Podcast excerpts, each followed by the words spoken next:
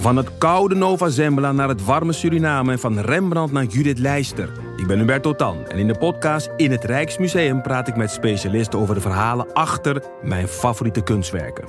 Nieuwsgierig? Beluister nu de nieuwe afleveringen. In de muziektheatervoorstelling Het Achtste Leven voor Brilka naar de wereldberoemde roman van Nino Haratischvili en in regie van Nina Spijkers vertelt hoofdpersoon Nitsa op meeslepende wijze met veel ironie en humor de dramatische geschiedenis van acht levens uit haar Georgische familie tussen 1900 en nu. Een hartverscheurend en tegelijk troostrijk drama verteld vanuit het perspectief van vrouwen uit verschillende generaties waarbij het publiek meegenomen wordt op een emotionele, visuele en muzikale reis door de 20ste eeuw. Koop je tickets voor het achtste leven via oostpol.nl.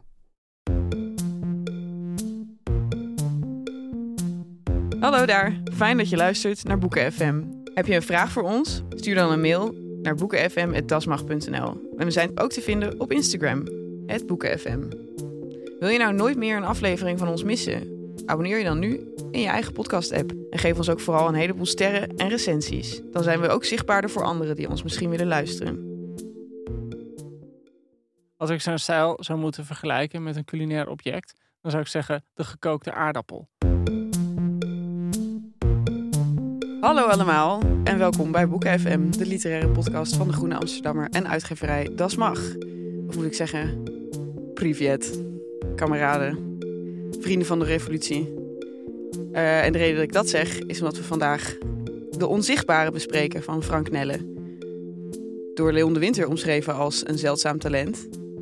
Dus dat moeten we maar oh ja, dat het staat op de... Ja, het heeft een hele dubieuze, dat het wel een, een, een blurb heeft van Leon de Winter, een zeldzaam Ja. talent. Eh, en van Eerwan Droog. Eh, ja, eh, best nog wel eigenaardige blurbs. Ja. Maar goed, wie is eh, Frank Nelle? Universitair docent, fiscaal jurist. Altijd Ehm, heel handig om een fiscaal jurist in je vriendengroep te hebben. ja, heb jij dat Ja, ook? altijd fiscaal jurist, arts, eh, fysiotherapeut. Die moet je gewoon in je vriendengroep hebben. Anders My ben je nergens. En ik ben geprivilegeerd. Het is best een opmerkelijk eh, omschrijving van deze schrijver. Dat lees je toch nooit?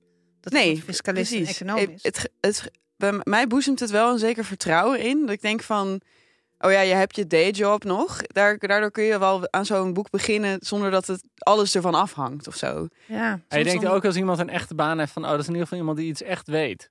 Ook dat, Ja, inderdaad. real life Als Ja, het maar, zo ben- staat- maar hebben jullie niet? Ik ben altijd bang voor. Dan zie ik opeens een zolderkamer, een afgetimmerde zolderkamer voor me en denk, oh, iemand is een hobbyist. Ja, oké. Als in het is geen echte schrijver.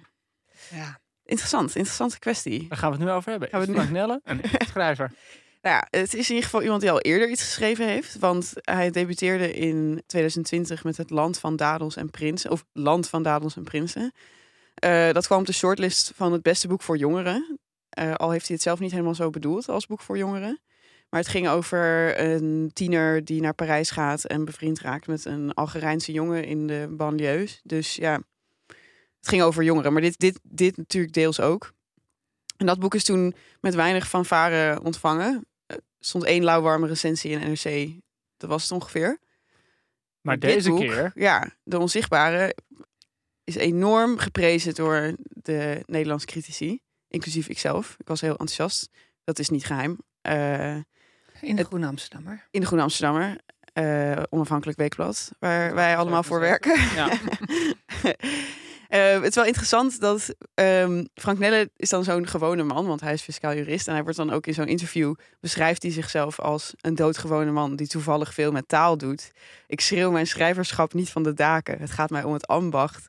Ik van, oh ja, dan ben je weer op een hele andere manier heel pretentieus dan als je Ilja Leonard Pfeiffer bent. ja Maar, inderdaad. Mhm. ehm, Er zit een, een element van humble brag in. nogal, ja. Terwijl ik denk dat het wel echt waar is of zo. Je hebt de term omgekeerd snobisme. Dus je hebt vaak toen snobs die doen alsof ze hoog verheven zijn, omdat ze een bepaalde expertise hebben en een bepaalde verfijnde kennis van kaas en wijn. Eh, maar je hebt ook omgekeerd snobisme. Je ook en, die, die dichten zichzelf een soort van hogere status toe, omdat ze zo normaal zijn gebleven. Ja, Dat Dat is eigenlijk zeg maar het omgekeerde snobisme van Veronica Inside. Weet je wel, van, van Gijp en Derksen die doen alsof ze zoveel beter zijn. Omdat, ze ze, frikandellen omdat ze eten. zoveel normaler zijn. Ja, ja. Nou, ik, kan, ik wil daar Frank Nelle niet van betichten hoor. Maar ik vond Nee. dit citaat gewoon een beetje grappig. Ik doe- moet wel meteen denken aan Thomas Rozenboom. Die heb ik een keer in een recensie een vakman genoemd. En daar was hij zo door beledigd. Huh, hoezo? Ja, omdat hij dan zei van, nou, dan is het alsof ik een kunstje uitvoer. Wat had hij je dan een muur metselt. Ja, Heel zoiets. netjes. Ja. ja. Ja, maar dat is, hier kunnen we misschien Ja. wel op terugkomen. Want dat eigenlijk alle complimenten die aan het adres van Frank Nelle werden gemaakt, eh, gaan hierover. Over, Over muren metselen. En, meer, en, en Ja. minder over een soort van groot creatief genie zijn of zo. Mhm. Je hebt een hele grote vlag op je fiets, toch? Waar zo op staat van... Groot creatief genie. schrijver. Je suis een artiest. Je suis een écrivain. Anders Oh. als mensen zien welke jas ik aan heb, dan weten ze Ja, hoe laat het is. Ja, voor de goede verstaander, eh, dat is een hele gele jas. Het is een jas. Het ziet eruit alsof Marja zo, zo van een gebouw afspringt. En dan zo kan vliegen op de wind. Misschien kunnen we eh, een foto van Joost in die jas op Instagram zetten. Als hij daar toestemming voor geeft. Ehm, ik heb trouwens helemaal niet gezegd wie er aan tafel zitten. Eh, eh, rechts van mij zit onze producer Merel. Zij heeft geen microfoon, maar ze kijkt heel aardig naar me. Tegenover mij zit Joost Vries. Hoi. Welkom. En links van hem zijn collega en beste vriendin Marja Pruis. En terwijl wij ons door de regen hier naartoe hebben gebaand, verkeert Ellen Dekwiets op tropisch Indonesië. Ja, Waar? is het daar ook Ja. nu regen of is het daar nu Ik hoop mooi dat het weer? regen is. Ik hoop dat het Oh. benauwd is en dat er muggen zijn en zo. Maar ik denk Ja, eigenlijk, ze is daar aan het werk, ja. ja, ze geeft Wat- les. Ze, ja, dat, dat zegt ze, hè, maar het zou ook iets mysterieuzers kunnen zijn. Oh. Ik, ik beeld me altijd graag in dat Ellen allerlei... Die is de mol. Ja, Oh nee, is net al bekend geworden. Dat is al bekendgemaakt. Maar volgend jaar, nieuw seizoen, wie is de mol? ja, bij deze maken we ook bekend dat zij de mol Ja, is. zij is de mol. Sowieso, het lijkt me heel gek. Voor minder doet ze het denk ik ook niet. Nee. Ehm, nou, en met dit eh, team, één man minder, gaan we het hebben eh, over het, het boek dat we net genoemd hebben. Ehm, De onzichtbare. ja, een historische roman zou je wel kunnen zeggen. Ook al is het mm, niet super lang geleden. Ergens tussen 1971 en 1994. Tussen het Oekraïnse platteland en Kiev. Eh, van de grauwe nadagen van het regime van Brezhnev tot de val van de Sovjet-Unie. Ehm, Heb jij nou in Rusland gewoond? nee, Oh. heb ik niet. Mijn ouders hebben in Rusland Ja, oké. gewoond. Maar toen was jij er nog niet. Toen, nee. Nee, oké, ja. Logisch. nee, ik was toen ergens anders. Nou goed. ik wilde er niks mee verder. Nee, oké. Zo een logische. Ja. Ehm, nee, mijn ouders Je hebben zweefde nog in de kosmos. zeker. Ik was nog een twinkle in my father's eye, Ja. zoals de. Amerikanen dat zo mooi zeggen. Ehm, en wat ik grappig vond was dat eh, onze conculega Bo van Houwelingen in haar recensie schreef dat ongeveer het enige wat je dan negatief hierover zou kunnen zeggen is dat het ergens wantrouwen bij je oproept dat Frank Nelle niet echt iets heeft met Oekraïne. Hij is niet Oekraïens van afkomst. Hij heeft dat niet gestudeerd. Hij heeft geen Oekraïense vrouw of zo, weet ik veel. Eh, hij heeft simpelweg een heleboel boeken erover gelezen en daarna dit boek geschreven. En dat vond ik wel grappig dat, dat Bo van dat opmerkte. Want het staat inderdaad haaks, dit boek staat inderdaad haaks op een heleboel van die autobiografische, semi-autobiografische vertellingen over eh, dramatische familiegeschiedenissen die dan aan de wereldgeschiedenis worden verbonden. Mhm. En dit is er dan er niet, niet één van. Het is gewoon Ja. heel iemand anders dan Frank Ik Nelle. vind het wel interessant dat ze dat zegt. Omdat ik dat, ik merkte dat ook wel. Ik, ik zei net al, toen ik zijn, zo, zijn biografietje zag, weet je, dat ik al dacht van, oh, maar wat is dat dan? Waarom schrijft iemand, weet je wel? Als hij het er zo duidelijk naast zijn baan doet. En eh, ik merkte ook wel dat ik me zeker de helft van de roman me over iets heen aan het zetten was. De hele tijd. Maar zullen we eerst toch misschien dacht- vertellen waar het boek over Oké, gaat? goed. Ja. Dan even back to basic. In de setting die ik zojuist omschreef, eh, is onze hoofdpersoon Dani. Ik denk dat je het zo uitspreekt. Ja, en Dani Ja. groeit op in een klein dorpje op het platteland waar uiteraard heel weinig te doen is, behalve in een soort buurthuis. Hebben jullie opgezocht of het dorpje echt bestaat? Nee, Ja, Ik heb wel veel opgezocht, maar dat niet. oké. Bestaat het dorpje echt? ik weet het niet meer. Dit was ook, Oh. dit was ook een. Het was niet relevant. Goed. Niet Goed, mooi, mooi stukje extra info dat we onze lezer, onze luisteraar kunnen bieden. Eh, en hij groeit op op, het, op een, een zijddorpje en er is een, een soort buurthuis waar dan gewoon de mensen samenkomen. Het is diep Sovjet-tijdperk, dus alles is collectivisatie en alles is gewoon eenheidsworst en iedereen verveelt zich te pleuris. En hij groeit op in een, eh, ja, gewoon hij zit op de, op de middelbare school. En, en hoe ben je op de middelbare school als boersige jongen? Nou, dan ben je lekker boers. En daar verschijnt dan opeens Pavel. En Pavel heeft een ooglapje. En over het algemeen, als mensen met een ooglapje verschijnen, zowel in literatuur als in het echt, zit je op het puntje van je stoel. Want dan denk je, wat is hier gebeurd? Is het een piraat? Is het een intellectueel? Heeft hij zijn oog verloren bij een duel? Eh, en in dit geval is het meer een intellectueel die de hele dag een boek bij zich heeft. En alleen dat feit dat hij de hele dag een boek bij zich heeft en dat ook onbekommerd leest, waar iedereen bij is, maakt hem heel verdacht. En die andere jongetjes die brengen hun tijd vooral door met elkaar stompen en zo. Ja, gewoon elkaar lekker slaan. En als de leraar op school iets aan ze vraagt, weten ze nooit het antwoord. En hij weet altijd het antwoord. En dan snel begint het heel verdacht te worden. En beginnen er allerlei theorieën te gaan over hoe hij dat oog dan wel niet heeft verloren. En er worden weddenschappen over gedaan. En gaandeweg begint iedereen gewoon een lichte obsessie met Pavel te krijgen. Als uniek figuur in dat dorp. En langzaam beginnen zich vriendschappen te vormen. Nou, eh, Pavel komen we later weer tegen eh, wanneer Dani volwassen is en naar Kiev is verhuisd. Dat moest hij, doordat er een hele grote ramp eh, in de buurt van het dorp zich voltrok. Eh het laat zich raden welke ramp dat is, namelijk ontploffing van de kernreactor in Tsjernobyl. Ja, volgens mij wordt Chernobyl nergens bij naam genoemd. Nee, Maar ze hebben het een paar keer over Pripyat. En Ja. dat is natuurlijk het dorpje bij Chernobyl. tuurlijk. Ja. Maar heb je die, die eh, HBO-serie niet gezien, Chernobyl? Zeker. Nou, prachtig. Wordt het dorpje ook de hele tijd zo. De hele tijd hebben ze het op Pripyat. Ik lag niet helemaal voor in mijn Heel geheugen. authentiek Nee. eh, accent heb jij. En, en het gekke is, dat, dat moeten we denk ik erbij zeggen, want het, het lijkt over vriendschap te gaan, maar misschien ook weer niet. Want eh, eigenlijk, die Pavel is eerst een soort van pispaaltje, want hij leest een boek en dat vinden ze allemaal verdacht. Dus af en toe slaan ze hem in elkaar. Ja, Dani heeft hem ook helemaal lens Ja, gemaakt. op een gegeven eh, maar gek genoeg beginnen mensen langzaam bevriend met hem te raken. Maar Dani eigenlijk niet. En Dani is de ik-verteller. Hij die bewondert hem wel heel erg. ja, hij bewondert hem heel erg. Eigenlijk omdat ze een keer een wandeling maken. Ja, En dat, op zich wordt dat heel mooi beschreven in het boek. Omdat het niet per se wordt beschreven alsof er nou iets gigantisch plaatsvindt. Maar ze maken gewoon een hele lange wandeling door de velden en de bossen.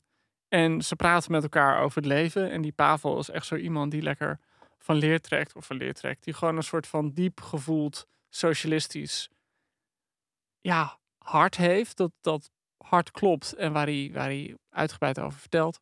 het is een beetje zo'n zo'n klassieke eh, verteller, hoofdpersoon dynamiek. Ja. Een soort Ja. Great, Great Gatsby-achtige eh, dynamiek tussen eh, de Dani die dan echt zo'n melancholicus is en verteller is. En Pavel die eigenlijk de echte held is of de avonturier de is. Ja, maar heel Ja. lang denk je ook dat het om die twee gaat. Terwijl naarmate het boek vordert, blijkt het eigenlijk een heel ander soort vriendschap. Ja, want Ja, eigenlijk... Maar goed, ik wil niet weer Nee, ergens op vooruit lopen. Nee, nee, nee. Maar. Dani, eigenlijk Dani's beste vriend is Igor. En tot zijn verbazing raakt Igor, die die toch een beetje als een domme jongen met een te groot hoofd afschildert. Met een deuk erin. gedeukt Een, hoofd. de- een gedeukt hoofd. En hij, het, het wordt ook een beetje gedaan alsof het niet helemaal goed bij zijn hoofd is. Nee. Nee, hij is een beetje simpel, Simpel, omdat hij ja. een trap heeft gekregen van Ja. een dier, geloof Ja. ik. Ja, Maar dat is ook, vind ik, heel mooi gedaan om aan te geven waarom Pavel toch snel een held is in die klas. Eh, dat als er die Igor, die is dus een beetje zielig en die moet voor de klas komen en die moet dan een rekensom doen. Ik weet niet meer precies wat de rekensom is. In ieder geval geeft hij duidelijk een 4 keer fout 4 is antwoord. 8 of zo, is het toch? Wat zegt hij ook weer? Ja, Hij zegt 34. een optelsom. Ik weet niet meer. Goed, Ja. hij Nou, maakt maakt een rekensom. een rekensom helemaal fout. En dan, dan Pavel is altijd de beste van de klas. Dus de juf die, die wendt zich dan tot haar beste leerling en vraagt de Pavel, weet je wel, van geef jij het juiste antwoord. 16 maal 8 is het. Oké, en En dan zegt, en dan zegt Igor 34. Ja, nou, en dan zegt Pavel, zegt dan ook heel hard, het is 34. En, en het is toch een beetje zo'n soort van I am Spartacus moment. Ja. Dat iedereen Ja. opeens dat gaat zeggen. ja, maar ook altijd best een vond ik het on-the-nose commentaar over eh, de waarheid in Sovjet-tijden, toch? Ja. Hoe plooibaar Ja. die is. Nog altijd vormt het volgende ogenblik een glashelder zwaartepunt in mijn geheugen. Igor die plaatsnam aan zijn schoolbank. Kravets, dat is de leraar, die met een liniaal in de hand voor de klas stond. De gloeiende kachel. Het zijn beelden die ik me moeiteloos voor de geest kan halen. Pavel keek op uit zijn boek. Zijn oog zag eruit alsof het licht voortbracht. Het was volkomen stil in het lokaal. 34, zei hij nogmaals. Daar was die stem weer. Diezelfde die ik had gehoord toen ik met Nikolaev bij het tuinhek had gestaan.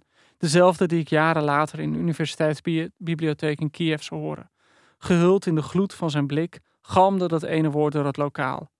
Een getal was het, meer niet, ondubbelzinnig als het was. Ik kon er niet omheen, Igor had gelijk.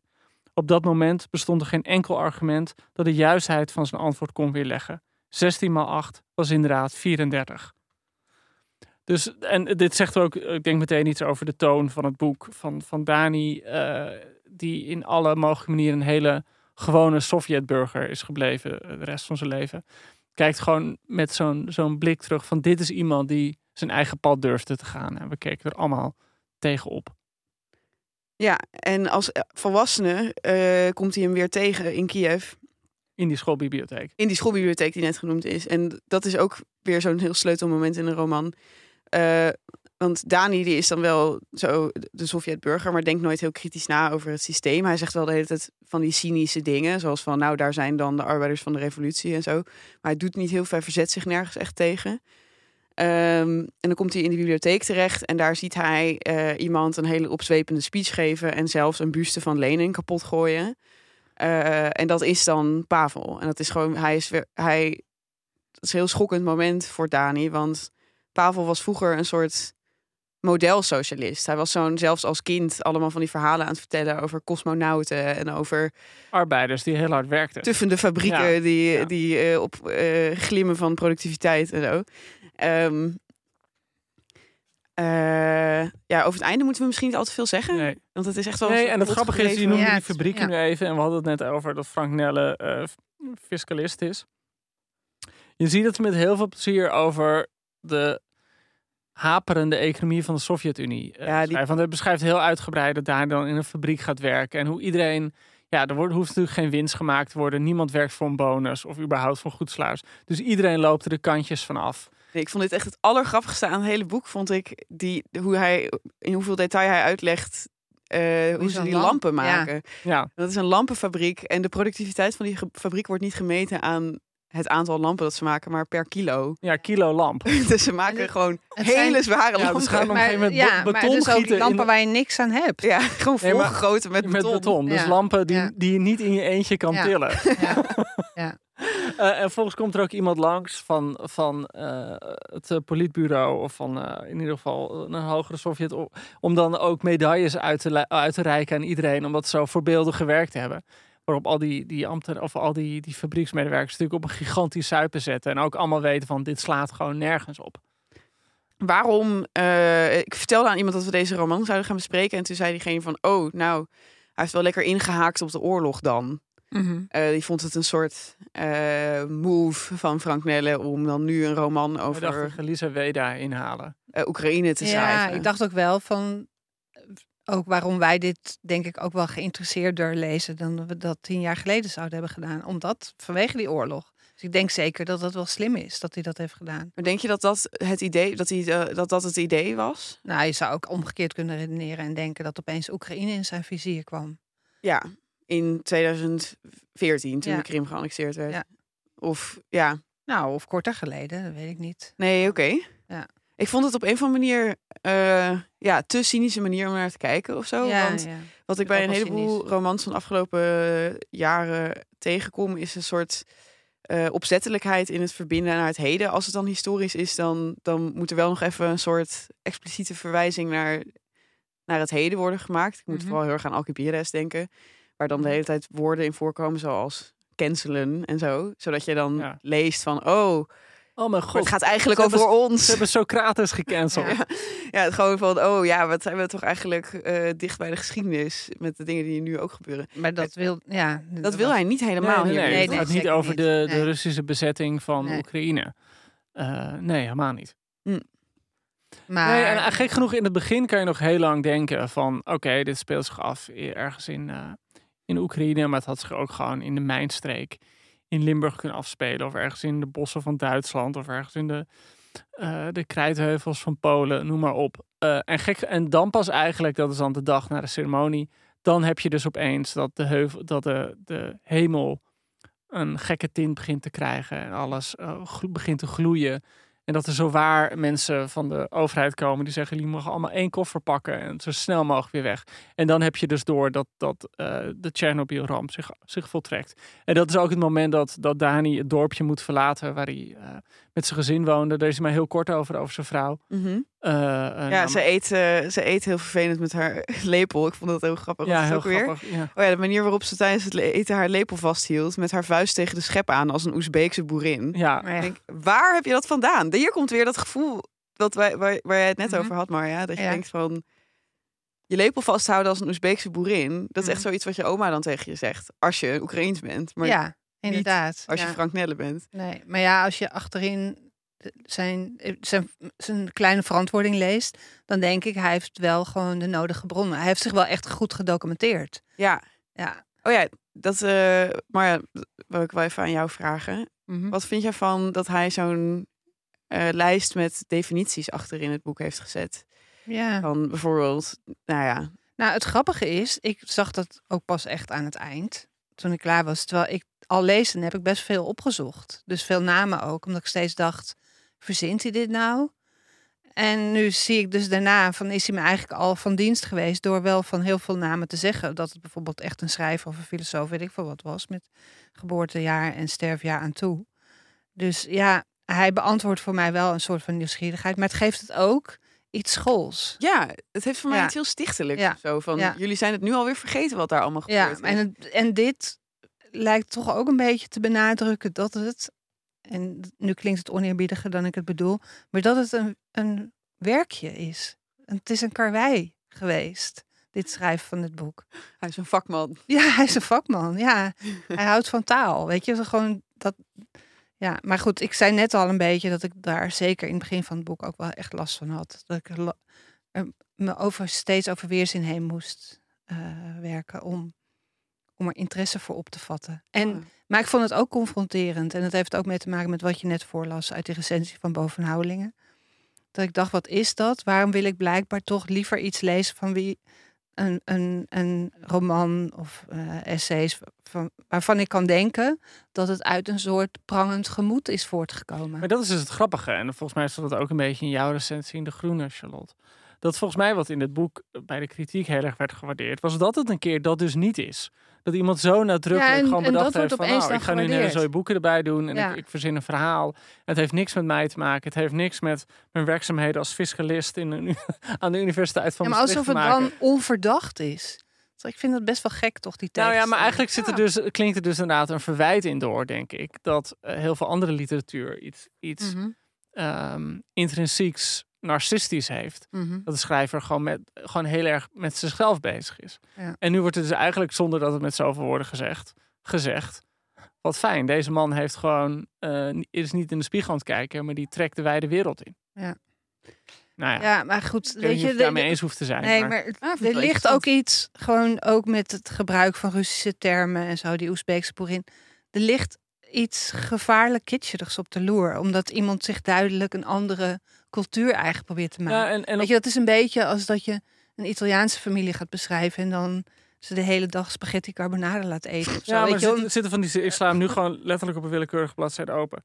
Dan zegt hij van: als we er zin in hadden, eh, altijd gaven we voorrang aan de spezzalni, als die er waren. Onofficiële orders die buiten de boeken bleven.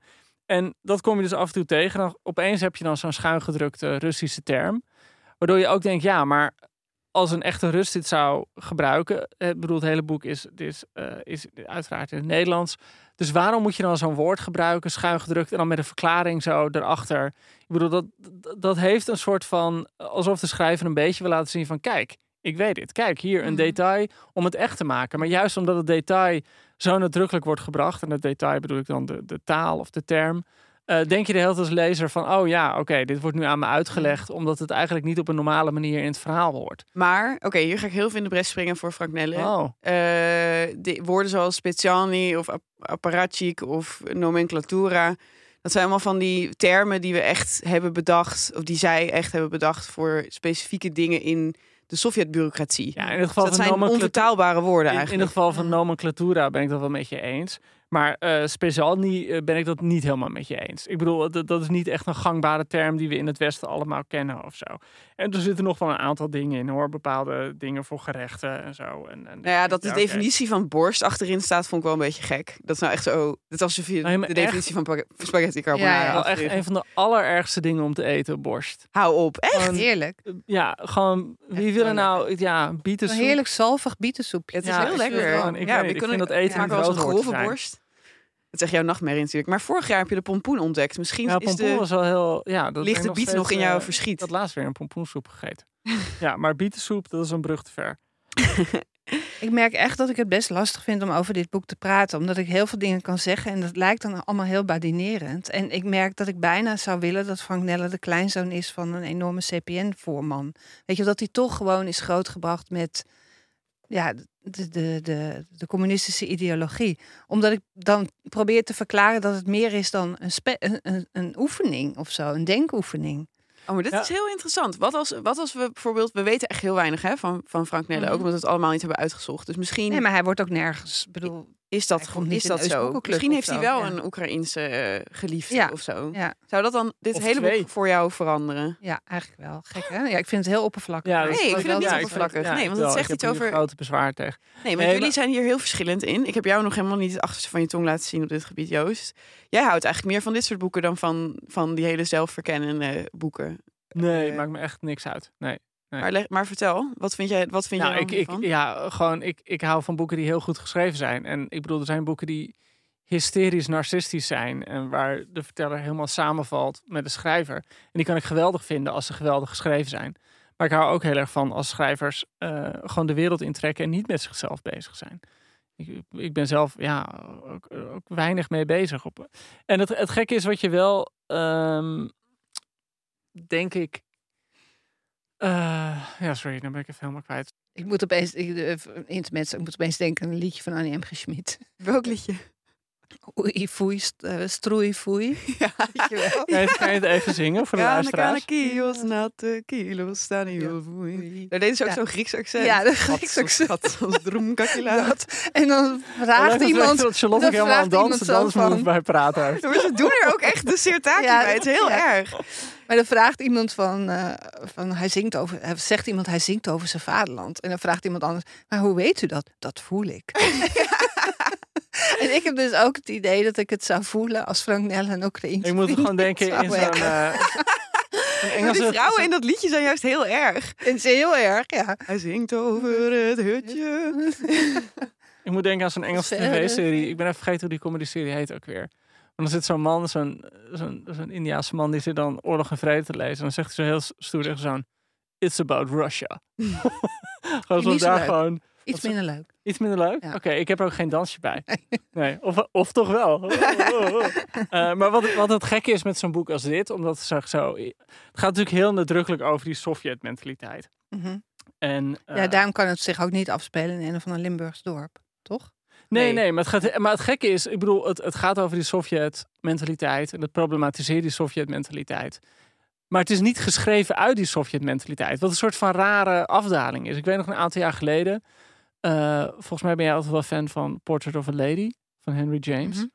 En een aantal jaar geleden heeft John Benville, de eerste schrijver, eh, daar een vervolg op geschreven. Oh ja. En Portrait of a Lady gaat dan over een, een, een vrouw uit de hogere klasse in Amerika die dan naar Europa gaat op zoek naar een echtgenoot. En dat wil ze eigenlijk niet. En dan gaat het over hoe moeilijk het is om als vrouw ongetrouwd te zijn. Eh, en vervolgens schrijft John Benville daar een, een boek over. Maar dan voelt heel raar als zeg maar anno 2020 gewoon een, een man in Ierland dat, dat gegeven gebruikt. Ja. Eh, en dan voelt het toch ja, alsof het dan wel heel losgezongen is van de tijd. Ja, ook En, en wel hij, heel erg een oefeningetje is. ja, vooral omdat hij het dan leent van iemand anders. Maar oké, maar hier, hier zit toch een, ligt een hele fundamentele kunstopvatting aan ten grondslag die we jullie nu zomaar op tafel gooien. Namelijk dat je niet genoeg in een andere persoon kunt verplaatsen om een echt overtuigende roman neer te kunnen zetten. Mhm. Maar vroeger vonden we dat toch niet. Ik weet niet over hoe vroeger ik het nu trouwens heb. Eh, maar toen was het toch doodnormaal voor een Europese schrijver om te doen alsof hij eh, in een heel ander land woonde en daar dan een roman over te schrijven. Of schreef Ja. iedereen. eh, ook vanuit zichzelf? Nee, ik denk wel dat je gelijk hebt. Dat, dat het toch meer op het fabuleren aankwam of zo. Ja, maar je Ja. kon ook als... Hè, bijna iedereen was uit de hogere klas die toen schreef. Maar dan was het wel soms van... Nou, ik ben een vreselijk armzalig weesmeisje. En daar Ja. kan ik dan een boek over schrijven. Dat was denk ik ook wel echt een beetje de uitvinding juist van de roman. Dat dat kon. Ja, je had Ja. een periode in de, er zijn ook wel echt studies over geschreven. eh, zeker zo mid-century van de vorige eeuw, dat, het, dat de grote literatuur ging over de universele mens. Eh, en als voorbeeld wordt dan altijd Ernest Hemingway eh The Old Man and the Sea gegeven. Ik bedoel, het gaat over een Cubaanse visser. Officieel, maar officieus moet je als lezer het gevoel hebben: het gaat over iedereen, het gaat over ons allemaal. Dus dat was echt de, de, zeg maar de, de, de literatuur waarin het personage eigenlijk gewoon puur symbool stond voor de hele mensheid. Hm. Mhm. Eh, en en, nou, volgens mij zijn we daar ook wel weer van afgekeerd. En, en is het ook een beetje, heeft het ook, ik bedoel, het zijn ook eh, soort van irritatie bij heel veel mensen opgewekt. Dat je kan Mhm. doen alsof één mens alle mensen bevat. Want zo werkt het gewoon niet. En er is ook heel veel opgemaakt dat de schrijvers die dat deden, altijd gewoon witte mannen van middelbare leeftijd waren uit de gegoede burgerlijke klasse. Dus dat hun, hun ideeën van wat het is om eh, in, een, in een maatschappij te leven heel iets anders was dan van heel veel andere mensen. Dus dat hele universele idee is, is, is een beetje weggezakt, denk ik. Maar eh, oké, iets wat wij met heel veel enthousiasme besproken hebben in deze podcast is Charlatan van Zadie Smith. Zij doet eigenlijk hetzelfde als Frank Nelle, vind ik. Namelijk gewoon een heleboel boeken lezen en zich dan in een andere tijd en een andere plaats wanen. Nou oké, Engeland is dan wel echt haar plaats. Maar ehm, ja, zij, haar werk berust ook gewoon alleen maar op bronnen. Dat heeft ze allemaal zelf niet meegemaakt. Ja, maar ik, zij is wel de eerste om dan zich in interviews uit te laten. En te zeggen hoe, hoe zeer actueel de vraag is die zij onderzoekt via een historische roman. Ja, en, Ik heb- Oh, Oké, ja. en wat denk ik wel echt een verschil is, dat, en, en dat is denk ik voor mij heel erg eh, het verschil, is dat, ja, Zadie Smith natuurlijk, die heeft haar politieke hang-ups. Maar eh, het is absoluut niet zo dat ze probeert een soort van de universele mensen af te schilderen. Het is juist een hele particuliere mens. Ja, maar dat geldt ook voor... En, en dat is eigenlijk wat ik het leukst vind Ja. in, in historische romans. En, en hoe je mij het beste erbij krijgt. Niet door zo van, oh, ik ga nu laten zien wat het is om in de 19e eeuw te leven. Of in de eh 17e eeuw Frankrijk. Maar dat je gewoon een mens krijgt te zien. En dat je, doordat je zo'n particulier mens krijgt te zien. Dat je veel makkelijker in die tijd wordt meegenomen. En voor mij, ja, het gekke is, ik weet niet of je, of je Dani, de held van ehm, Frank Nelle, een universeel mens moet nemen. Hij is gewoon heel saai op een bepaalde manier. Hij is En- een beetje flat. Hij is gewoon flats. Ja. En, in die zin is dat heel aannemelijk, omdat ja, gewoon de, het kenmerk, eh, het bepalende kenmerk van de Sovjet-mentaliteit is natuurlijk die fletsheid. Het is gewoon dat je als burger niet er bovenuit kan steken, want er is niks om bovenuit te Nee, steken. Maar Alles ja. moet gaan om de massa, niet om het individu. Ja, maar afgezien daarvan is het ook wel een beetje de- het klassieke eh, dilemma of het klassieke duel tussen de fletserik en de held. Weet Ja. je wel, je hebt Ja. altijd de twee vrienden van Ja. die eentje een beetje zich op de achtergrond houdt en de ander is echt degene die het allemaal durft en doet. maar En ik weet bijvoorbeeld, ik moest in het begin heel erg denken aan het boek van Paul Auster. Eigenlijk een van de mooiste boeken vind ik van Paul Auster, Leviathan. Ook een roman over een, een beetje een teruggetrokken figuur die op zoek gaat naar zijn revolutie of een vriend die revolutionair is geworden, eigenlijk een soort bommenlegger is geworden. Eh, het is nooit vertaald in het Nederlands, gek genoeg. Maar ik dacht ook dat dat zo'n soort dynamiek was die Frank Nelle wilde beschrijven met dit Mm. boek. Ja, maar eigenlijk beticht jij hem ervan, Joost, dat Dani meer een lens is om naar dit verhaal te kijken dan echt een personage. Ik beticht niemand nergens van. nee, maar het, het, eh, eh, ik denk dat die dat Frank Nelle, en dat, dat zit ook in die lange beschrijvingen van eh, die fabrieken, toch wel echt wil laten zien van dit is wat het is om in een massa, massamaatschappij te leven, waarin Ja. het individu er niet toe doet. Dus dan kies je ook per definitie niet een hoofdpersoon die heel sprankelend is. Niet nee, maar iemand nu die jij dit zo kent- zegt, denk ik opeens van, oh ja, maar die Dani, die is natuurlijk zelf een soort van onzichtbare. Ja. Bedoel, Het is gewoon wel iemand die het verhaal vertelt, maar wordt hij gezien door Pavel? Dat, Nee, in het begin dat- dacht ik dat dus steeds. Grappig oh ja, is, je verwacht de hele vriend. tijd dat ze beste vrienden Ja. worden, maar dat worden ze dus eigenlijk niet. Nee, want hij denkt ook de hele dat hij dat ene oog van hem op hem ziet rusten. Ja, dus je hebt die Maar scène dat met die... is echt heel erg de Inderdaad, vraag. precies. Je hebt die Ja. scène met die buste. En hij staat dan in de universiteitsbibliotheek zijn hele bevlogen speech af te steken. En hij denkt de hele tijd dat het ene oog van Pavel op hem valt. Ja. Maar ja, de, de punt, het punt is natuurlijk, als je deel maakt van een publiek, dan denk je altijd dat de cabaretier of de toneelspeler jou aankijkt. De cabaretier. Ja, nee, dat- Het is een hele specifieke ervaring uit jouw leven, Joost. ik denk altijd van, laat me met rust. Vlak voordat gewoon hij in de eruit zaal. pikt uit de zaal, ja. Theo Maas me alleen maar aan te kijken en hier gewoon nee. Oh. Nee, maar goed, eh, je denkt natuurlijk altijd dat, Ja. dat het om jou gaat. Ja. Of dat jij contact hebt. Maar Ja. dat, dat, dat verzint hij gewoon net zo goed. Ja, en dat komt aan het eind komt dat wel een beetje tot, eh, ja, tot een soort climax. Ja, Die gedachte. Maar goed, dat is- dat moeten we dus niet verraden. Dat zou jammer zijn.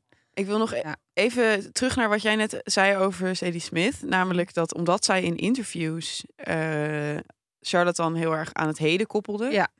Dat dat het op een of andere manier oprechter maakt dan Mhm. een metselwerkje. Ja, maar goed. Ik zei net al, ik vind het lastig om, om, omdat ik zelf een beetje schrik voor hoe balinerend het klinkt. Ja, maar dat vind ik niet. Ik vind het ik, heel ik, interessant. zal, ik, wil, ik heb dan nu toch behoefte om even mijn gehele leeservaring te Oh. vertellen. Dat mag. Dames en Eh. heren, gereed zitten. Marja Pruis en haar gehele leeservaring. Marja Pruis, the floor is yours. Oké, ik ga nu even een kwartier lachen. Ah. Eh, ik had dus. Sorry, Merel, haal het er allemaal uit. Eh, wat ik dus vind pleiten voor Frank Nelle is dat hij mij na eh, zo'n Sorry, ik was tegen aan. Hoeveel pagina's heeft het boek? 250. Dat hij me na zo'n 125 bladzijden gewoon toch erbij had. Ja. En ik vond het best wel lang duren. Eh, ik weet ook niet of ik het nou had uitgelezen als ik niet wist dat we erover gingen praten. Maar dan, ik, hij had me dus toch. En toen dacht ik, oh, het werkt wel. Gewoon alleen maar, tussen aanhalingstekens, het verhaal vertellen. Want dat doet hij wel echt kundig. En de tweede helft vond ik wel echt overtuigend ook. En ook een soort wereld creëren die ik echt niet. Nou, ik dacht hem een beetje te kennen omdat ik Svetlana Alexievich heb gelezen over Tsjernobyl. En later zag ik jaar ook. geleden Nobelprijs voor Ja. literatuur. Ja, en later zag ik ook in zijn verantwoording dat hij dat boek heeft gebruikt. Dus die oogverslagen uit eh Tsjernobyl. Mhm. Eh, maar dat vond ik dat hij dat echt heel mooi deed. En ik vond het ook wel echt spannend aan het eind. En in het begin verzette ik me tegen, ook zelfs tegen zijn stijl, die best wel sober is, maar ook wel soms pathetisch en soms sentimenteel, een beetje vet. En dat, dat, dat wordt er eigenlijk erger in het tweede deel. Maar toen merkte ik dat ik me ook over begon te geven aan het sentiment. Ik was er niet ongevoelig voor. Ja. Wat je ook merkte, ik zit er nu doorheen te bladeren en dat, viel me lezende ook op hoor. Eh, in de eerste helft zijn het echt van die hele lange alinea's.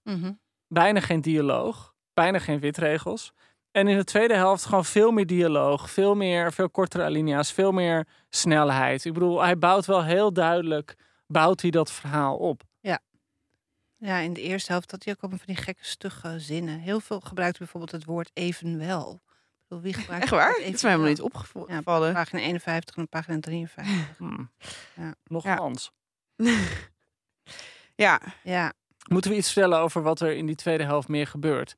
Nadat hij Pavel weer in het zicht heeft gekregen. ja. Want dan Dat ga je ook dus weer verder die geschiedenis van Die Tsjernobyl scène, dat die Pavel die, die speech zit houden en dat, dat buste die kapot valt, dat vond ik al echt heel goed beschreven. ja. En het feit dat die buste zo, zo breekbaar is. Weet je, dat het, het is geen marmer of zo, het is geen beton, nee, het is gewoon gips. Ja, wat mij daaraan opviel is dat als, als iemand dit aan je zou uitleggen van, nou, dat is een hele mooie scène in het boek. En dan blijkt Lenin van gips te zijn. Dat gaat Ja. natuurlijk over de ontluistering Ja, van in en- dat systeem. Ja, Dan denk je van, dit is echt de goedkoopste metafoor ever. ever. Ja, Maar toch werkt het. ja, ik vond het in dit geval toch werken. En dat komt denk ik ook doordat Dani zo simpel is. Of zo. Voor hem is het allemaal helemaal nieuw, Ja. deze metafoor. Ja. Eh, eh, Ja, hij is hem echt het- geschokt. Ja, het, het, het is echt. Hij, is. hij Ja. dacht echt dat het van marmer gemaakt zou zijn geweest. Ja. Ehm, ja, daarmee wordt hij misschien wel een minder interessant personage dan Pavel, maar wel eh, eh, eh, een lens om dit soort dingen doorheen. Ja, maar het merkte ik wel dat als Pavel van de pagina's was, en dan ging het gewoon over zijn andere dingen, dan interesseerde het me het ook echt een stuk minder. Echt Ik waar? bedoel, ja, je hebt wel Pavel nodig om die diepte te krijgen of zo. Want, want Ja, gewoon met Dani is het gewoon behoorlijk vlak. Is het gewoon behoorlijk grauw. Ja, het is en, en Pavel triest. zijn gewoon de kleuren. Ja, Ja, het wordt ja, ook in drie zinnen wordt het huwelijk opgedoekt van eh Dani. ja. Toch? Is dat Nou ja, zij- een taxichauffeur? Ja, ze gaat door. Ja, maar dat moet. Dit is wel interessant. Daar hebben we straks een vraag over. Weet ik toevallig al van Merel. Eh, ik vroeg me af of dat hij vandoor gaat met een, dat zijn vrouw er vandoor gaat met een taxichauffeur. Of dat een verwijzing was naar Lolita. Oh. Dat is toch een open. Dat is echt zo de opening van Lolita, toch? Aha, Nou ja, goed. Misschien. eh Oké. oké. Merel, ik denk dat ik jou even mijn stoel ga geven. Ik heb hem heel erg voor je voorverwarmd. Merel, vertel eens iets over de warmte van Charlotte. Ja, het is wel aangenaam. Lekker. Oké. We hebben een vraag van Arjan. In het kader van ehm, de, de, de affaire met de taximan. Of nee, ze gaat er gewoon vandoor met de taximan. Ehm, ha, lieve podcastvrienden. Allereerst een groot compliment voor jullie podcast. Hij helpt me om meer tussen haakjes goede boeken te lezen. Iets wat ik naar eigen mening te weinig doe. Dank daarvoor. Er is ook iets wat me tegenhoudt om meer boeken te lezen. En dat is het idee dat ik allerlei dingen mis. Neem het begrip intertextualiteit. Ik snap niet zo goed wat het toe zou moeten voegen aan de leeservaring. En ik heb tijdens het lezen zelden door dat er wordt verwezen naar ander werk. En ik krijg er het idee van dat ik een hele rits aan klassiekers zou moeten kennen om echt tot de kern van moderne boeken door te kunnen dringen. Dus mijn vraag: moet ik hier iets mee om ten volle van een literair werk te kunnen genieten? En moet een schrijver hier iets mee? Of zijn er ook literaire schrijvers die boeken schrijven zonder zich te bekommeren om intertextualiteit? Hoe gaan jullie hier zelf mee om? Ik ben heel benieuwd. Goed, Arjan. Nou, maar heb jij een antwoord? Ehm, ja, ik vind ieder boek wat een bijsluiter nodig heeft, vind ik eigenlijk mislukt. Ik bedoel, ik hou daar helemaal niet van. Wat niet wegneemt dat ik, eh, als ik zelf schrijf, altijd wel leun op andere schrijvers. Eh, gewoon omdat ik er eh, wat aan heb of omdat ik iets eh, goed gevonden vind. Maar dan zie ik het nog eerder als een zwaktebot dan dat ik het zie als iets waar ik trots op zou kunnen zijn en waar ik vind dat de lezer dat ook zou moeten zien. Dubbele bodems, ik weet niet. Iedereen mag er alles in zien, maar ik vind het eigenlijk heel snel al ijdel vertoon worden als je bewust intertextueel te werk gaat. En ik heb ook een, eigenlijk een hekel. Ik vind het heel leuk om, om analyses te lezen van romans. En daar ben ik eigenlijk gek op, op dat genre. Ik heb Nederlands gestudeerd, vond ik eigenlijk een van de leukste dingen.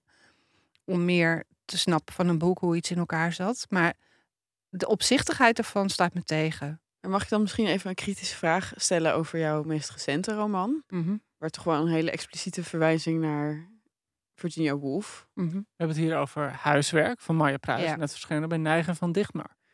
Ja, Ja. ik bedoel, eh, je- kunnen veronderstellen dat de meeste mensen die lezen dan eh, dat gelezen hebben. Maar eigenlijk mag, dat, mag je dat dan niet veronderstellen. Nee, maar je hoeft ook niet Virginia Woolf te lezen. En het is zo'n eh, bekende zin. Ik heb het als motto gebruikt. Welke zin is het? Mrs. Dalloway kocht. Ik, nou, Zij dat ze Nou, zelf. zei dat ze zelf haar Ja. bloemen ging kopen, Ja, want Lucy had haar handen vol. Ik bedoel, voor mij was het een ontdekking dat. van Mrs. Ja, Dalloway. voor mij was het een ontdekking gewoon het tweede deel van Lucy had haar handen vol. Opeens viel mijn oog op Lucy. Ik dacht van nou, wat gek. Ik heb eigenlijk nog nooit nagedacht over de werkster in het werk van. Ja, eh, dus voor de mensen Dus- die het boek nog niet gelezen hebben van Maya Pruis, Huiswerk. Het gaat over een Mrs. Dalloway-achtige verschijning en haar werkster. Ja. Maar dan hier in Amsterdam. Oké, maar dat wou ik alleen even noemen Ja. om, om jou de vraag te eh, Mhm. stellen van... is het belangrijk voor de lezer van huiswerk eh, om de uren gelezen te hebben? Nee, Oh, sorry, ik bedoel dat is de Nee, Mrs. Dalloway. Nee, nee, absoluut niet. Nee. Het is leuk als je dat. Ik kan het iedereen aanraden, gewoon omdat het een heel mooi boek is. En ik heb het vaak gelezen. En bij iedere lezing is het een ander boek. En ik raak er eigenlijk niet op uitgelezen. En daarom vind ik het ook een mooi tribute. Ja. Eh, maar het hoeft absoluut niet. Echt helemaal niet. Ja, voor mij is dat, is dat eigenlijk wat intertextualiteit meestal is. Gewoon Mhm. dat de, lief, de liefde van de schrijver voor zijn voorgangers. of Ja. zo. Ja. En die het dan niet kan laten om daar knipogen Ja, naar in te gewoon werk voor zichzelf. Voor zichzelf en Ja. voor dan zijn Ja. medeschrijvers. En idealiter doe je het inderdaad als schrijver op zo'n manier dat de goede verstaander hoort het en denkt heel leuk. En degene die niet getraind is, die leest er gewoon overheen. En die merkt niet eens dat er een vertaling... En maakt het ook niet uit. Nee. Het is inderdaad vervelend eh, als je het op zo'n manier doet dat Dat je dan echt eh, nog net niet schuin gedrukt tussen aanhalingstekens zo neerzet. En dat iedereen dan op zijn telefoon moet gaan zitten googlen terwijl hij hier zit. Want dan, dan duw je een lezer denk ik echt uit Ja. het boek. Ja. Dus wat dat betreft, voor Arjen eh, hoop ik absoluut niet dat dat zijn leeservaring beïnvloedt. Dat zou echt niet nodig zijn. Ik bedoel, een goed boek lees je gewoon eigenlijk blanco, zonder Ja. enige kennis. Ja. Eh, Hier zijn critici denk ik ook wel schuldigen hoor. Want het is altijd wel leuk om in zo'n recensie dan zo gotcha. eh, nou ja, grappig is, ik, ik heb dat met mijn eigen romans heb ik dat ook wel gehad. En ik heb ook wel eh, een paar boeken geschreven waar, waar ik hoofdpersonen heb die heel erg met een bepaalde soort cultuur bezig zijn en daar vaak het refereren. En dan, dan deed ik dat echt niet met het idee van, ha, ik ga nu een intertextualiteit plegen. maar meer dat je gewoon wil laten zien hoe die personages denken en wat hun referentiekader is. Maar dan zie je inderdaad dat heel veel recensenten het graag oppikken. En het gekke is dat het soms ook een beetje een dubbel leven kan leiden. Of een, of een, een vreemd leven kan leiden. Dat op een gegeven moment kwamen er ook mensen naar me toe. En die zeiden dan van, oh ja, je beschrijft daar loopt een eh, regel. eh, of eh, daar loopt een regeldruppel over het raam. En dat is een verwijzing naar een liedje van Elvis Costello. En dat ik echt dacht, ja, ik weet gewoon niks van wat je zegt, Mhm. begrijp ik. ik. Ik kan me geen druppel meer herinneren. En ik, ik ken maar één liedje van Elvis Costello. En dat is niet dit liedje. Maar Dus ik bedoel, soms gaat het ook zijn eigen leven leiden. Dat mensen zo heel erg op zoek gaan naar die intertextualiteit. Maar dit is de sleutel, denk ik, tot de bevrijding. Want dat betekent dat iedere lezer mag dit doen. Ik mag deze eh, Frank Neder lezen en denken... oh, die taxichauffeur, dat is de taxichauffeur uit Lolita. Terwijl het misschien niet zo is. Nee. Ik vind het wel, ook als jij dat zegt, denk ik... Goh, dat zou ik eigenlijk wel vinden pleiten voor hem, voor Frank Nelle. Weet je wel, omdat hij verder absoluut niet te koop loopt met een soort literair schrijverschap. Ik bedoel, het is geen Arie Storm roman die, al- waarvan je al van pagina 1 weet van... oh, we moeten nu be- bedacht zijn op verwijzingen naar Nabokov. Ja. Maar het fijne is dus dat we dat waarschijnlijk nooit te weten zullen komen. Want eh, eh, Frank Nelle lijkt me niet het type om dan in interviews heel erg zijn invloeden te gaan noemen. Eh, eh, en dat, maar dat we dus ook vrij zijn om verwijzingen niet te herkennen. Of Mhm. wel te herkennen die er niet zijn. Ja, Ja. critici die zullen altijd bang zijn om een naïeve lezer te zijn. Ja, critici Ja. zullen daar bang voor zijn. Maar, Ja. de, maar, maar de gemiddelde lezer hoeft dat dus niet te Nee. doen. Je mag, gewoon, je mag gewoon zoveel of zo weinig herkennen als je Ja. wil. Ik vergeet altijd of dat nou Death of the Author is. Maar dat laten we dan maar even daar. Ja, dat vind ik ook altijd moeilijk. Nee, en het grappige is, eh, Arjen, eh, dat zou je zien naarmate je meer eh tussen haakjes. Marjan? Arjan. Arjan. Oh, sorry, wat zei ik? Arjen? Ja. dus ik weet dat dat een heel pijnlijk punt is als je een Arjen een Arjan noemt en omgekeerd. Ja, ze zitten ook in twee verschillende groepsappen. Oepscheppen. Groepsappen. Oké, wat? ik wou een grapje maken, maar het viel een beetje dood. Mijn Ik ben benieuwd wat het grapje is dan. Ik ben het nu ook kwijt. ik ga even weer een beroep doen op Merel. Eh, maar het leuke is gewoon, naarmate je meer leest, kom je absoluut dingen tegen dat je opeens eh, dingen gaat zien en verbanden gaat zien. En dat is, dat is heel leuk. Eh, en dan heb je heel erg het gevoel dat je toetreedt tot een bepaald soort wereld. En tegelijkertijd is dat absoluut niet wat ons lezende houdt, toch? Nee. Denk ik. Eh, ik. Je wil toch dat, elke boek, dat elk boek een unieke ervaring is dat op zichzelf staat.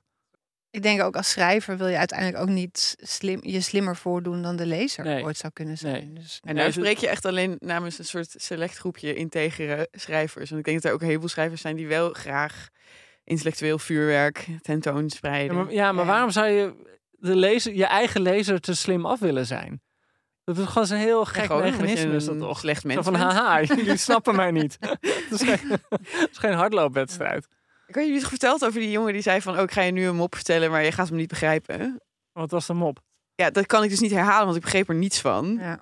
Eh, maar hij- voor hem was dit blijkbaar wel een leuke interactie. Want hij genoot heel erg van het feit dat, ik de mop, dat hij al wist dat ik de mop niet zou begrijpen. En dat ik hem toen ook daadwerkelijk niet begreep. Dat was een hele leuke date, of niet? Het was geen date, Joost. Maar ehm, eh, toen dacht ik, ja, er zijn dus wel mensen die op deze manier in Ja. het leven staan. ja, of die een ambitie hebben en dan van ik wil, een, ik wil een geleerd boek schrijven. Ik Ja. ja. denken, geleerd? Hoezo? Heb, Ja. zijn er dit Ja. jaar boeken verschenen waarvan je zegt dat het is echt een geleerd boek? Nou, ik denk dat, dat Ilja Lennart Vijvert wel vindt dat hij Oh, ja. echt een heel geleerd boek heeft geschreven. Ja, nee, oké, maar dat is ook wel wat je noemt een geleerd boek of zo. Er is wel zitten een heleboel boeken achter. Ja. Maar dat is dus niet per se een, een garantie voor een goed boek. Nee. Zouden een heleboel lezers van Alcibiades zeggen. Merel, was er nog een vraag? Jazeker. Vraag van Bert. Beste Boek FM. Met veel plezier luister ik naar jullie podcast. Ga zo door. De afgelopen jaren is er door buitenlandse auteurs een aantal boeken geschreven over sociale klasse en sociale mobiliteit. Hoofdpersonages die zich ontworstelen aan hun, aan hun milieu slash klasse, maar daarna nog steeds een buitenstaander blijven. Denk bijvoorbeeld aan het werk van Franse schrijvers als Didier Eribon, Édouard Louis, Annie Ernaux, Nicolas Mathieu of het boek, of het boek N.W. van de Britse Zadie Smith. Mijn vraag, kennen jullie ook Nederlandse voorbeelden van romans met deze thematiek? Zijn er Nederlandse schrijvers die soortgelijke boeken hebben geschreven? Alvast bedankt voor het beantwoorden van mijn vraag. Goed, Bert. Dankjewel Bert. Dat zijn een heleboel Fransen die je daar noemt. Ja. Nou, kijk, wat, wat één boek dat absoluut niet vergelijkbaar is met het werk van DJ Ribon of ehm, Annie Ernaux, eh, is natuurlijk eigenlijk de tandeloze tijd van AFTH van der Heijden. Dat is helemaal, ja, gewoon in, wat is het, zeven delen? Eh, zeven dikke delen eh, het leven van ehm, een jongen uit een arbeidersgezin in Nijmegen. En dan vooral de eerste. Ja, vooral de eerste delen. Maar gaandeweg eh glijdt hij of gaat hij naar school, naar de basisschool, middelbare school, universiteit. En uiteindelijk gaat hij naar Amsterdam, waar hij het Mhm. kunstenaarsleven betrekt. En dat, dat zijn, die hebben absoluut niet op die manier die, die soort van klinische nou sociologie. Transklasser? Wat is hoe heet het ook weer? Een social climber, kan je dat Ja. noemen? Nee, dat is een hele woord negatieve connotatie. Een klassenmigrant. Een Ja, klassenmigrant klassenmigrant, is ja. inderdaad de term. En je kan Ja. bijvoorbeeld ook denken aan eh Mijn ontelbare identiteiten van Sinan Chankaya.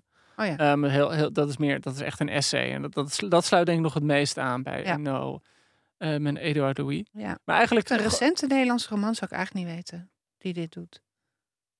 Nee, Eigenlijk opmerkelijk. nee, maar ben je het met me eens dat AFTH dit wel als, als onderwerp heeft? Ja. Want jij bent natuurlijk ook Ik- wel echt AFTH. Ja, zeker. Nee, dat is echt bijzonder. Hij beschrijft echt gewoon een, eh, echt een arbeidersmilieu. Zijn vader eh, werkt op een fabriek. Zijn moeder is thuis en eh, alcoholisme, ellende. En hij zit te lezen. Weet je wel, hij is meteen al zo'n jongetje wat zich terugtrekt en die hogere aspiraties heeft. En wat, wat hij heel mooi beschrijft, net als Erno bijvoorbeeld, is die schaamte die je dan kan voelen voor Ja. waar je vandaan komt. En Hij dat- schaamt zich heel erg voor het dialect van zijn ouders. Hij doet alle mogelijke moeite om ABN te spreken. Ja, het is echt een goed voorbeeld, AFTH. Een recente voorbeeld is, moeten we dan niet eerder denken aan eh Eus-Jan Akjol of zo? Ja. Wie? Eus? Is- Spreek ik het verkeerd uit? nee, nee, nee. Dat was een grapje. Oh. Was het een flauwe grap, Merel? Ik vond het een hele leuke grap. ik vond het een hele scherpe grap. Ja, we hebben gelukkig eh Merel de microfoon afgepakt. Ja, dus, eh, je ziet hoeft precies haar waarom we dat opmerkingen Ja, ja, volgens mij beschrijft Ja, Eus niet waar hij terecht in, in terecht komt, behalve in de gevangenis. Nee, oké. Ja. Maar hij, Hij ja, hij is... maar rebelse dan, dan, zou ik, dan zou ik eerder eh, bijvoorbeeld eh Manu Bouzamour doen- noemen. Het bestseller boy. Oh, Eh, Oh ja, ik bedoel, ja. Dat, dat gaat meer echt over iemand die uit een bepaalde nou, dus wijk in daar, daar Amsterdam zijn komt. we. Dan is En La dan- is eigenlijk ook een voorbeeld. En dan gewoon echt terecht komt in die literaire klasse. Ja. En de hele tijd spetterende seks heeft met iedereen. Ja, La Lagule. Ik denk dat we misschien niet zo 1, 2, 3 herkennen, omdat wat we dan vroeger de arbeidersklasse noemden, eh, ja, er nu heel anders uitziet. Ja. Zo. Dus eh klassenmigranten van nu, die zijn vaak ook cultuurmigranten of zo. Ja. Ehm, nou ja, Ja, want anyway. ik dacht ook nog even aan Walter van den Berg. Die beschrijft wel heel erg het arbeidersmilieu. Maar ook niet op een manier zoals Eburon, weet je wel. Niet iemand die, die zich daaraan weet te onttrekken. Het is eigenlijk meer een hele minutieuze beschrijving van een bepaald milieu. Oh ja, ja. Ja. Maar bovendien is het in Nederland ook altijd zo, gewoon puur omdat we Nederland zijn, dat je kan een klassemmigrant zijn.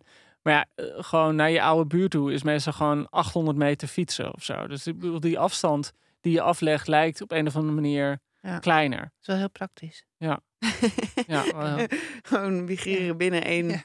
kilometer. ja, binnen één postcode. Ja. Ja, hebben we nu de vraag wel echt beantwoord? Ja, want we, we hebben dus wel soortgelijke boeken, maar minder. Is Ja. dat- Ja, Oké. Nou, En- ja, en, het is natuurlijk heel. Frans dat, dat je hebt, ik bedoel, het is echt wel een Frans traditie van die hele romans die bijna meer essays zijn dan dat het romans zijn. Eh, dat verhalende proza is. Dus, dus heel sociologisch van aard, heel essayistisch van aard.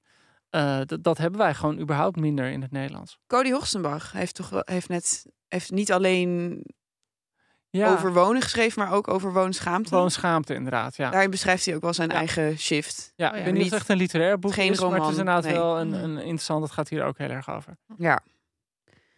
Oké, Laten we het nu nog even eh, hebben over Frank Nelle. We hebben nog niet, we hebben niet zo heel lang meer. Dus misschien kunnen we nog heel veel hebben over de stijl. Die is eerder door jullie sober genoemd. Eh, en door mij en Bo van Houwelingen als eh, goed ervaren, omdat er weinig trucjes in voorkomen op een of andere manier. Het is dus niet interessant, doenerig of ironisch of gezwollen. Of nou ja, ik vind het even moeilijk om uit te leggen wat het allemaal niet is. Nee, in ja, het begin maar ik vroeg ben ik het me wel wel... met je eens. Je kan makkelijker beschrijven wat het niet is dan wat het wel is. Ja. Nou ja, het zijn gewoon, als je dit leest, dan herken je dat eh, veel van het proza dat je verder leest, ehm, op een of andere manier rommeliger is, omdat er meer geprobeerd wordt of zo. Omdat er eh, ja, meer retorische trucjes in zitten of zo. Ja. Maar ik snapte wel ineens, maar ik heb, ik, heb niet zijn vorige roman gelezen, maar ik begrijp wel waarom zijn vorige roman voor een jeugdroman door kon gaan. Mhm.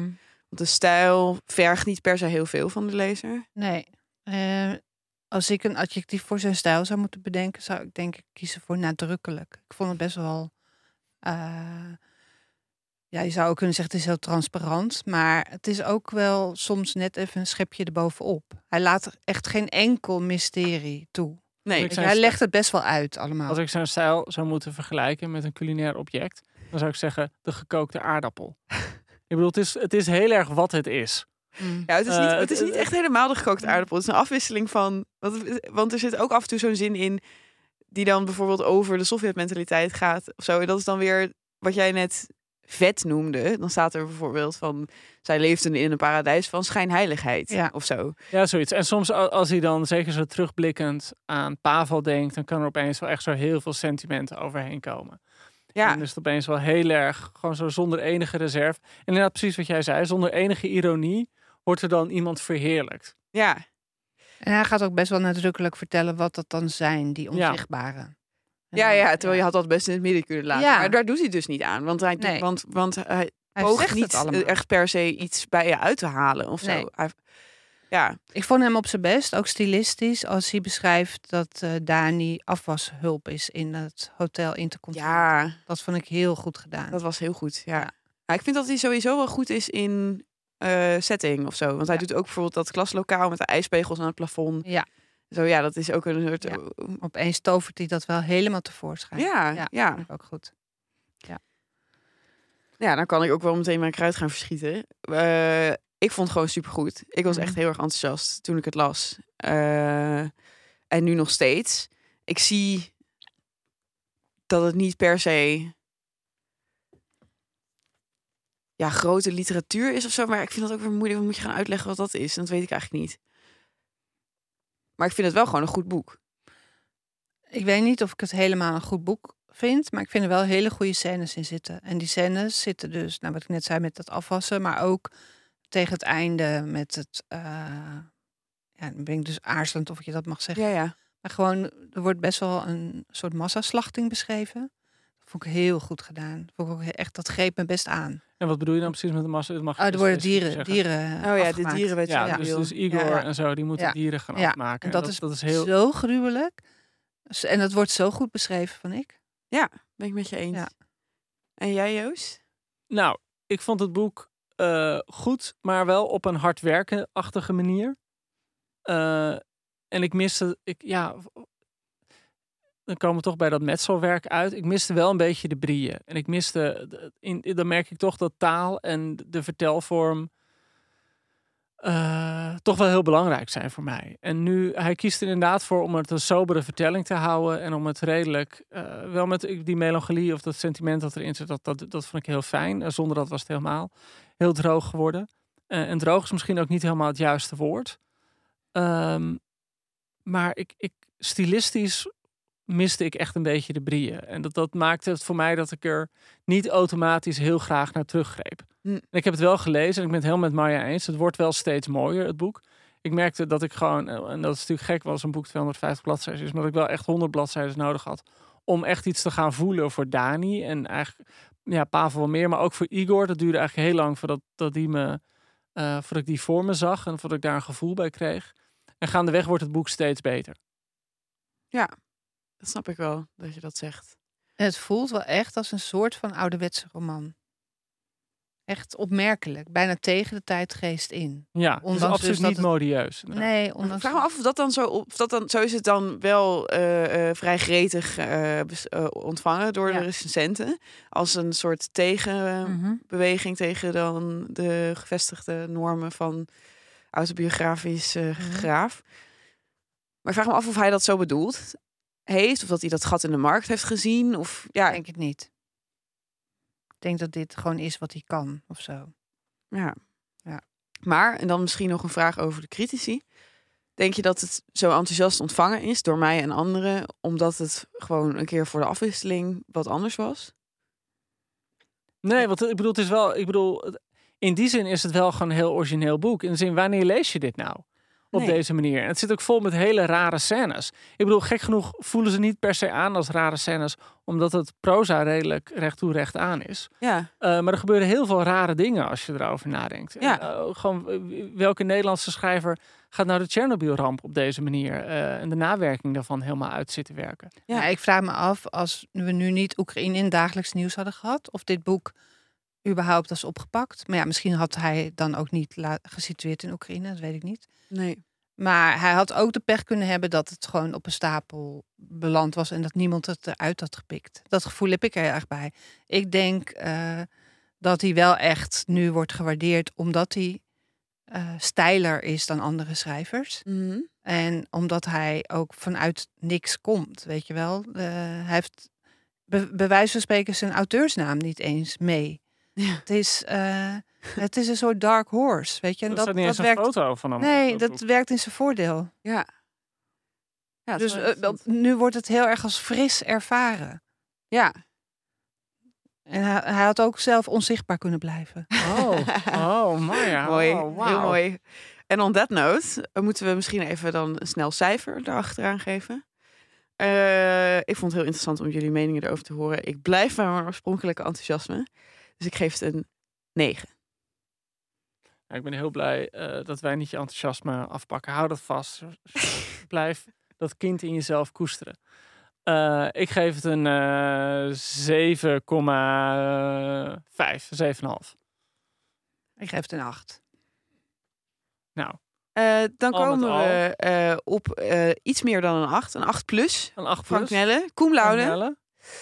Eh, we gaan nog wel meer van hem zien. Ben benieuwd. We gaan nog veel van hem horen. Merel, wat vond jij eigenlijk? Jij hebt het ook gelezen. Oh, wacht. Dan moeten we dit trucje weer doen. Eh, het verhaal hierachter is dat we één microfoon tekort komen. Dat weten de luisteraars natuurlijk dan niet. normaal. Eh, ik heb het nu twee derde uit. Ik heb het nog niet helemaal Oh, uit. het nog helemaal uit, Dus ik moet de ma- massaslachting nog Oké, meemaken. het wordt wel heel mooi op het eind. Maar Dus ik ben ehm, eh, heel enthousiast tot nu toe. Dus tot nu toe zou ik het ook aanraden. Leuk. De kinderen hier aan tafel Hier. vonden Ik denk dat op de volgende druk staat. Merel is enthousiast. Boek FM. Het zou echt leuk zijn. Oké jongens, heel erg bedankt voor het luisteren. En eh, bedankt Joost, Marja, Merel voor eh, jij ook bedankt, Charlotte. het naar de Hey. studio toekomen. Wil je nog één keer stroeien voor je doen? Ja, weet je nog? Genoeg stroei voor je gezongen. Het verre, verre Griekenland. Oké. Eh, en jullie ook bedankt voor het luisteren. We zien jullie alweer heel snel. En dan is het tijd voor een dubbele kerstbonus special, kerstpakket. Eh, het blik ragout onder de podcastafleveringen. Glitters, ballen. Namelijk twee afleveringen achter elkaar op eerste en tweede kerstdag. Ongelooflijk. kunnen jullie verwachten. En eh, de tweede kerstspecial hou ik nog even geheim. Maar de eerste kan ik alvast bekendmaken. Het is misschien leuk als jullie willen meelezen. Het is namelijk een flinke eh, dikkerd. En het is Anna Karenina. We hebben het daar al wel eens een keer eerder over gehad. Maar we hadden lang niet genoeg tijd om eh, echt diep op in te gaan. En dan gaan we het nu in onze eerste kerstdag, kerstspecial, wel doen. Dus eh, tot dan.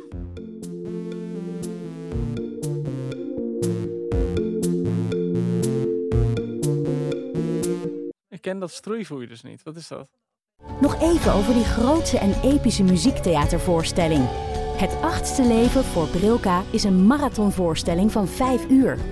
Koop je tickets voor deze bijzondere theateravond via oostpol.nl.